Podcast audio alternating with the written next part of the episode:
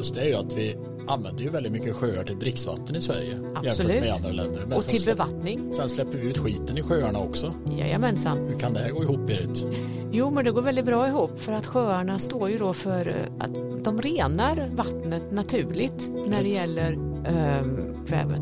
Och det här kvävet kommer ju då från ja, avföring helt enkelt.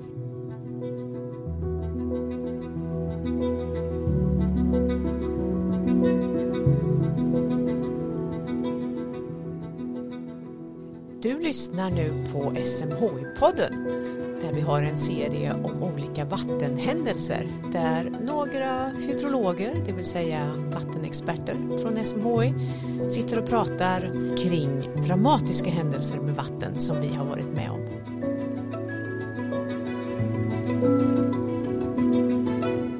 Nu kör vi då. Tjena Niklas! Hej Berit! Vi har lite AV här idag. Jajamän. Härligt. Men du Niklas, Jajamän. nu är vi ju här och ska göra lite vatten, eh, vattenpodd. Och vi har ju den här serien med händelser. Mm. Och idag ska vi väl prata om vatten. Ja, men inte vilket vatten som helst. Nej, utan idag är det skitvatten vi ska prata om. Ja, oj. Att Det var blir, lite referens till hike där. Det blir spännande. Ja. Värmlandsreferens. Det är lite Värmlands eh, referens. Värmlandsligan här. Och jag heter ju Berit Arheimer och är från Kristinehamn ursprungligen. Mm. Och jag heter Niklas Hjärt och har mina rötter i Klarälvdalen, Ekshärad. Så det är också Ekshärad. värmlänning. Ja, så norra Värmland och sydöstra Mm. Värmland är representerade här idag. Precis. Mm. Och eh, ja, det, vi ska prata om vatten och kopplingen mellan hydrologi och vattenrening. För det har ju varit en del eh, turbulens kring Sveriges hantering av avloppsvatten. eh, Inte minst Ja, och händelsen tänkte vi är då att vi faktiskt eh, har blivit stämda för EU-domstolen. Mm. Sverige, inte SMHI specifikt, utan Sverige blev stämda av EU-domstolen för att vi inte följde avloppsdirektivet år 2007. Ja, den här stämningen i EU-domstolen, det var ju avloppsdirektivet. Mm. Ehm, stämmer. Den har du koll på va? Eller? Ja, jag har, kan säga så att avloppsdirektivet är ett av alla EU-direktiv då som, som talar om hur bra rening man måste ha på sitt avloppsvatten för att leva upp till, till de här föreskrifterna då. Och eh, i det här specifika fallet då så står det att eh, eh, man måste kunna rena minst 70% av det inkommande kvävet till eh, reningsverket. Det var kväve vi inte lyckades med alltså i, i avloppsdirektivet Sverige. Mm. Precis. Och det låter ju sorgligt och dramatiskt. Mm. Och det var det ju också för oss, för vi ligger ju liksom bakom de här beräkningarna här på SMHI, hur vi Mm. räknar retention som då är den här ekosystemtjänsten som vattnet står för. Mm. Naturlig rening helt enkelt. Ja, och det är ju väldigt speciellt där i Sverige för att vi har så många sjöar, vi är så sjörikt. Mm. Och efter, eh, ja, efter Kanada, eh, Kina, USA, ja, Ryssland Mm. så kommer ju Sverige i den här som topp fem på att ha mest sjöar i världen, sjöar över en hektar. Sjöar överallt. Ja, och det gör att i Europa är vi ju helt unika Mm. med så, så mycket sjöar och vara så sjötätt. Ja, det lustiga är ju att vi använder ju väldigt mycket sjöar till dricksvatten i Sverige Absolut. jämfört med andra länder. Men och till släpp, bevattning, sen släpper vi ut skiten i sjöarna också. jajamensan. Hur kan det här gå ihop Berit? Jo, men det går väldigt bra ihop för att sjöarna står ju då för eh, att de renar vattnet naturligt när det gäller ehm, kvävet. Och det här kvävet kommer ju då från ja, avföring helt Ja. enkelt. Mm. Att ehm, det finns bakterier i, i sjöarna, framförallt i bottensedimenten som omsätter det här kvävet och gör att det avgår till luften. Och luften består ju till 75% av kväve så där är ju liksom kvävet ofarligt. Mm. Men i vattnet kan det ställa till med väldigt mycket oreda för att det blir övergödning. Och problemen har vi ju framförallt i eh, Östersjön när det gäller att det blir för kraftig tillväxt eh, av alger och, och du får, man får en i- obalans där i hela ekosystemet. Just det. Så mm, sjöarna omsätter och tar bort mycket kväve innan det når Mm. Östersjön. Mm. Så om vi inte hade den här retentionen då skulle vi ha en väldigt mycket mer kraftfull rening på all, alla utsläpp vi har helt enkelt. Ja, det kan man säga. Då hade man inte kunnat räkna hem det med Nej. naturens hjälp. Så att Nej, säga. men däremot i sjöarna, de är ju känsliga för fosfor. Mm. Ehm, och fosfor är det som begränsar tillväxten mm. av alger i, i sjöarna. Det är liksom inte kväve som är tillväxtbegränsande så att det blir ju inga alger av, av, av kvävet då. Utan det är först i eh, kustområden eller i havet som, som det är kvävet som är begränsande. Mm. Så, ja, så när det gäller fosforrening så då, då krävs det ju mm. rening då även mm. till sjöarna. Men mm. just kvävet det kan man då istället ta hjälp av, av sjöarna mm. för att få bort det. Ja, och det är ju jättebra för att mm. kväve är ju väldigt dyrt att ta bort i reningsverk. Men det här eh, funkar inte riktigt som förklaring till EU då om vi vill eh, komma tillbaka till den där stämningen. Nej, de, de tyckte ju det här var väldigt suspekt och trodde att vi, var, vi ville luras på något sätt här då i, mm. i Sverige. Att, mm. vi, att vi påstod att det var så mycket som försvann. Mm. Så de vill ju ha bevis på det här. Så jag har ju forskat på det här nu i 30 år mm. Och vi har skrivit många vetenskapliga publikationer kring detta i eh, kända tidskrifter och inte bara vi utan från hela världen kommer det ju rapporter om så att det här är väldigt väl belagda processer och resultat.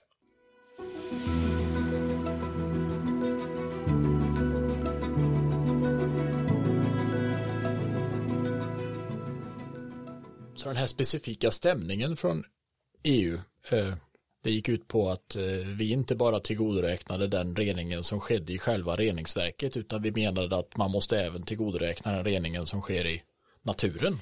Ja, i och med att vi tyckte då att det finns det ett så pass säkert sätt här. Var väldigt, vi hade väldigt bra samband på hur kvävet ändrades från utsläppskällan och sen liksom hur, om man räknade ihop det där så, så gick det att räkna väldigt noggrant på hur mycket som faktiskt försvann så det mm. gick ju att liksom se var har vi naturlig kväverening och var har vi det inte.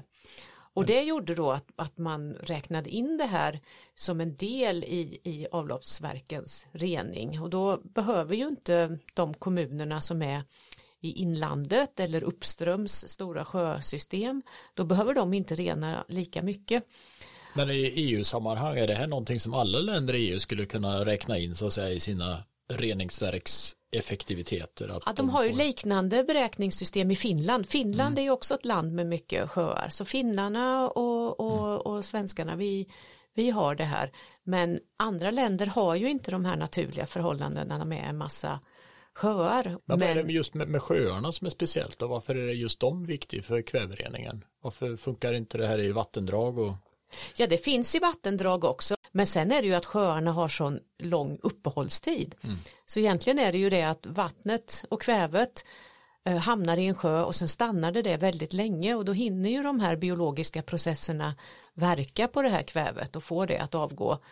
Medan om det rinner bara i ett vattendrag så, så går det ju väldigt snabbt kanske för, för mm. kvävet att rinna mm. ut i havet och mm. då ställer det till oreda där. Så det beror ju på rintiderna. Man brukar prata om rintider. Ja.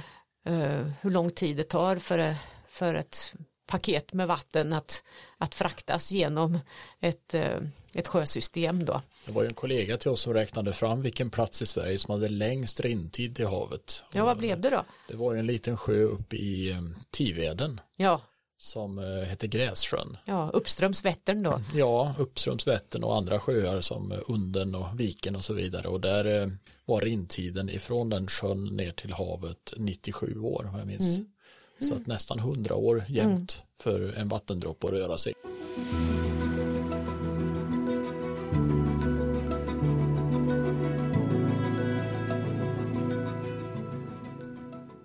Nej, men det intressanta var ju att EU gav ju Sverige rätt här på den ja. här punkten 2009. Ja, och, eh, 2007 blev vi stämda helt ja. enkelt och för mig var ju det en chock då att mitt eh, arbete, att de inte förstod mina mm. beräkningar. Så jag blev ju satt i jobb här då och mm. försöka förklara mm. eh, hur vi hade räknat och, och varför och vad det här berodde på. Det är inte lätt att förklara för en tysk vad en massa sjöar gör Nej, med vattenkvaliteten. Dessutom en jurist. ja, nej, så det kan nog vara en utmaning att förklara för folk på, från andra så att säga härkomster att uh, hur förhållandena ser ut här. Ja, och andra discipliner som sagt, för de, det, är ju, det är ju lite komplicerat då. Mm. Men, men, eh, men vi, vi vann ju, så mm. 2009 så, så vann vi det här målet. Mm. Um, i EU-domstolen, Mm. Sverige mot EU-kommissionen, Mm. eh, efter mycket förklaring.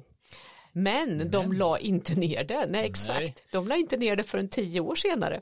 Det fanns fortfarande en misstänksamhet här att, att Sverige på något sätt har, har slunkit undan, Ja, eller Eh. lurat, på- lurats på något sätt. lurats på något sätt. Ja, så att eh, det gick väl ut ett uppdrag till eh, konsulter som eh, EU eh, upphandlade. Mm. Eh, och bland annat då Niva i Norge, Mm. konsultfirma som gjorde en granskning av, av Sveriges beräkningar. Mm.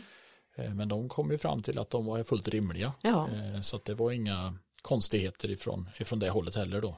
Eh, men det har ju hela tiden malt på här och ja, men ändå hade man ju svårt att släppa som sagt. Så. ja, precis. Och, det och, har- det var ju bara ett par år sedan som du och jag gjorde ytterligare en utredning, eller Mm. till och med, ja, något år sedan. mm. Ehm, så de har inte snart- släppt bollen riktigt. Men, Nej, men näst, nu, nästan varannan person på SMH har väl varit inblandad i det här, känns det som, under två decennier. Men eh, det är ju en långdragen historia. Ehm, Så att vi får ju verkligen eh, träna oss på att förklara saker. Hur förklarar man vetenskapliga saker i en juridisk eh, kontext? Ja Niklas, och i morse hade vi ju ett möte med Naturvårdsverket där vi ska börja diskutera igen hur vi ska hantera det nya avloppsdirektivet. Ja, visst, och du var ju kallad men du kom ju inte. Nej, Nej. men du höll ställningarna. Jag höll ställningarna, så jag berättar vad vi har gjort här de senaste 25 åren. Det var hela ditt CV egentligen som kom upp där. Det var större delen av mitt CV. Nej, men det här är ju något som har förföljt mig genom åren. Sen har jag jobbat med väldigt mycket Mm. annat. Men det här är liksom en sån där surdeg som man aldrig riktigt blir av med. Men det är lite mysigt också kanske att det kommer tillbaka. Ja, det känns lite tryggt liksom. Det här, ja, nu vet man, nu är det igång igen. Nu kör vi samma visa igen.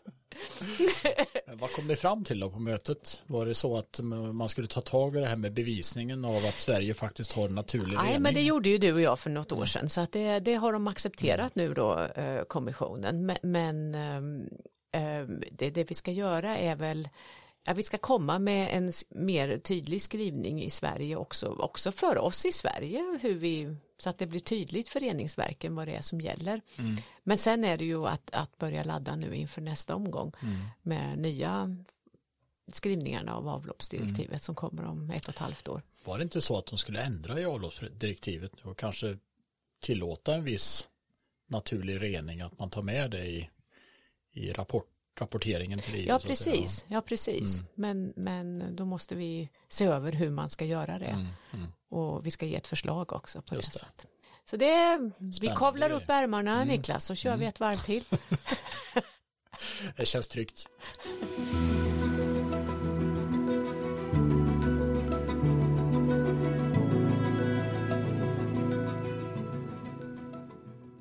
Vi har ju räknat ut omsättningstider på de flesta större sjöar i Sverige eh, på SMH och det kan man hämta fritt från vår hemsida dessutom. Ja, omsättningstid är alltså så lång tid det tar för vattnet att bytas ut i sjön. Och eh, jag vet att en sommar så gjorde jag en karta över närområdet och skrev ut vilka omsättningstider som var på sjöarna. Och eh, satte i system och åka och provbada. Ja, du är så underbar Ja, Niklas. Det här är precis. ju liksom, det är såna Ja. här eh, statstjänstemän vi Precis. har på SMHI. Till och med på fritiden går man igång på sånt här. Och, Och ta med sig hela familjen och alla barnen. Precis, då kunde jag ju säga det varje dag att idag ska vi provbada en femåring. Och då åkte vi och badade i en sjö med fem års omsättningstid till Ja. exempel. Så att eh, de flesta vande sig vid det här och det, det som var intressant med den där badutflykterna det var ju att alla de här utflykterna som gick till sjöar som hade lång omsättningstid det var det oftast kanonbra vatten. Det var klara sjöar, man såg botten. Så de ville ha gamlingar. Men vi ville ha gamlingar när vi badade. För oftast när vi kom till de här sjöarna med kanske bara några månader eller något års omsättningstid så var det mycket grumligare i vattnet och Ja. det var mer så att säga det, det är mindre tid för de här processerna som renar vattnet och Mm. verkar då. På, Det är hela tiden ett genomflöde av nya, nya ämnen så att säga. Mm. Så det var väldigt spännande och det kan ju vem som helst göra. Hämta ner sådana värden och, och göra en liten egen karta över omsättningstider på sjöar i Ja, närheten. men det är bra sommartips. Det är ju perfekt. Men du Niklas, har du, jag tänkte på det, vi hade ju skyfallsdiskussionen här också med händelser med Gävle och så frågade vi ju professor Olsson då om hans tre, topp tre. Precis. Har du någon topp tre nu då på, på sjöar? Ja, jag har eh, tänkte ut tre stycken här som jag tycker är värda att, att nämna och de faller dessutom i lite olika storlekskategorier. Mm -hmm. Råkar de samtliga vara i den här sydöstra delen av Sverige. Men, men, det finns ju... Där du åker och badar. Ja, precis. det är väl kanske viktat mot det då. Men eh, den jag kommer att tänka på först här då det är ju Vättern som är så ja. otroligt viktig dricksvattenkälla för många runt omkring. Nästan en miljon. Det kan dessutom bli fler då i och med att man eh, planerar en, en tunnel till Örebro mm. och eh, kommunerna där kring mm. som också vill använda Vättern som dricksvatten. Mm. Eh, och det är ju intressant att den tunneln kommer att få självfall för Vättern ligger så pass mycket högre än Örebro så mm. man behöver inte pumpa vattnet. Mm. Om det blir ett hål i berget så, så rinner vattnet dit av sig självt så att säga. Mm. Men frågan är hur det går med utloppet där i Motala då? Ja, hur går det för oss här precis. i Norrköping då? Kanske det... vi inte får så mycket vatten. Nej, det... För det är ju en tröskel där som måste justeras. Precis. Det kommer att vara en förhandlingsprocess där då med, ja. med de som har intresse av vatten mm. som rinner ut åt andra hållet så att ja. säga. Men eh, Vättern då, den är ju väldigt speciell. Den är ju en eh, klarvattensjö med mm. väldigt lång omsättningstid. Mm. Så där brukar vi prata om att det är kanske runt 60 års omsättningstid. Mm.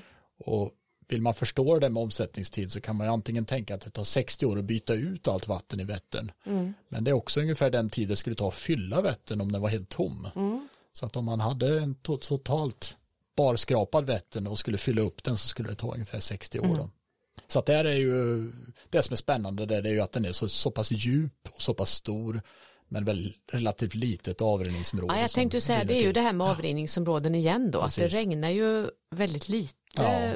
regnvatten som ja. når dit i förhållande till sjöns storlek Precis. och då blir det ju den här långa omsättningstiden. Ja, Vätterns yta är ju i princip en tredjedel av ja. avrinningsområdet. Så ja, hela avrinningsområdet ja. Så.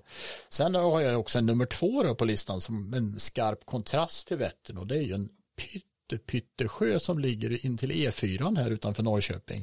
Ja, som heter Skiren. Mm. Och det är många sjöar i Sverige som heter Skiren mm. och man får ju oftast det namnet då, eller det tilldelas namn eh, om det är väldigt klart vatten. Det är klarvattensjöar, ja.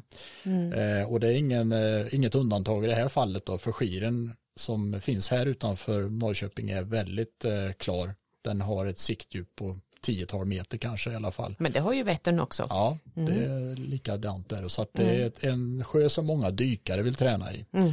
Och det är ju egentligen som en väldigt liten men djup sjö, mm. skiren. Så att, och jag vet ju att den är formad som en diamant mm. nästan, alltså med mm. Så. Den är djup och väldigt liten till ytan då, mm. så att nästan som en dödisgrop som har mm. fyllts, fyllts i med massa vatten. Då. Mm. Eh, man räknar väl med en omsättningstid på cirka 38 år eh, när man lägger ihop mm. inflöden och, och utflöden där så att mm. säga med volymen på sjön. Så att den, den är en av mina toppsjöar också och den eh, står också för en relativt stor del av avrinningsområdet, en, en fjärdedel ungefär av avrinningsområdet. Ja, den har väldigt sjön, litet ja, avrinningsområde. Det är väldigt litet och det finns Så det blir ju väldigt mycket grundvatten som, som rinner ja, till. Ja, och regn, direkt regn då kan man ja, säga på den här. direkt utan, regn. Ja, så att den är väldigt känslig då om man skulle till mm. exempel eh, påverka den här sjön med något uttag eller till exempel nu pratas det om att man ska bygga Ostlänken under den här sjön. Oj. Eh, och det finns ju naturligtvis under? en risk att, ja, tunnlar då. Så Men, det finns ju en risk att det så att säga blir sprickbildningar. meter och, under då? Ja, det är en, en, eh, en sjö som ligger i, i den zonen som nya Ostlänken ska, ska dras igenom. Då.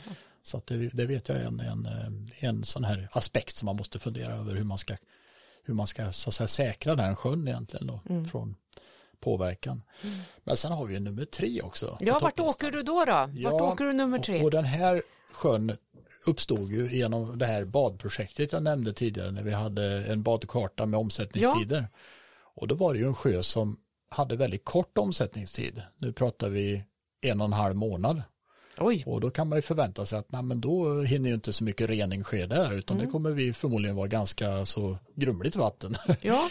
och det är ju sjön Båren då som jag tänker på som ligger Aha. i eh, näst. Eh, den ligger ju i Motala ström. Ja, precis, den ligger i Motala ström. Eh, och det är ju en eh, relativt stor sjö, eh, 28 kvadratkilometer. Eh, den är bara fem meter djup i medel. Mm. Men den har otroligt klart vatten trots att den bara har ett och en och en halv månads omsättningstid. Så det här liksom var ju en outlier i din, i din det var en studie outlier, här då? Ja, precis. Och det berodde ju på att eh, det största genomflödet till den här sjön kommer ju från Vättern. Då. Ah. Och där har vi ju haft en Aha. väldigt så, Så det är ju kraftfull Vätternvatten rening. egentligen Det är ju som- Vätternvatten ja, som, som rinner igenom. Så, att, eh, Så ni fanns lite för- lurade där då av din, av din Det fanns en teori. förklaring. Det fanns Ja. en förklaring. Man fick bara gräva lite teorin här. Så.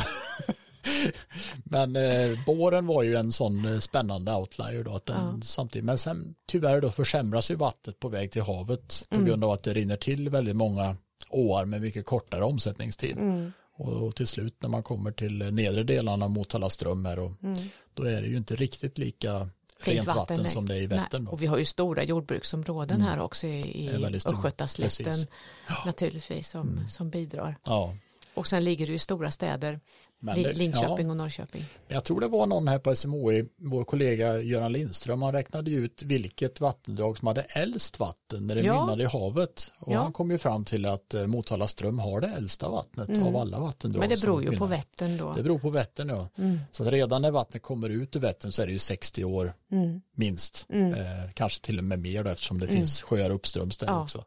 Men sen då så späds det med yngre vatten på väg Ja. ner. Ja. Så att jag tror medelåldern i utloppet av Motala ström var knappt 30 år. Ja. Att, eh, Men det finns ju stora sjösystem från Småland som kommer också till Mm. Motala ström, hela från småländska höglandet precis. som går ner också, Mm. stora sjösystem Ja. i Åsunden och precis. Järnlunden Ja. och så vidare som kommer ut där vid Stångån i Linköping. Precis. Det är också Mm. gammalt vatten. Mm.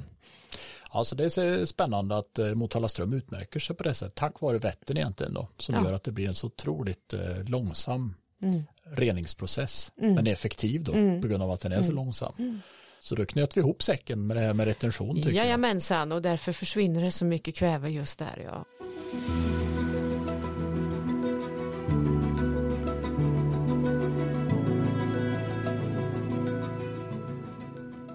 Ja du, det här var ju sista avsnittet för den här lilla säsongen då, men vi återkommer nog med nya händelser inom vatten, för det händer ju väldigt mycket på det här området. Det händer grejer hela tiden. Ja. Och, eh, tidigare så var det ju i princip en vårflod man hade bekymrat sig för Mm. som hydrolog. Mm. Men eh, nu är det ju skyfall, torka, höstfloder, vinterfloder, vårfloder. Det är i princip året runt. Mm. Ja.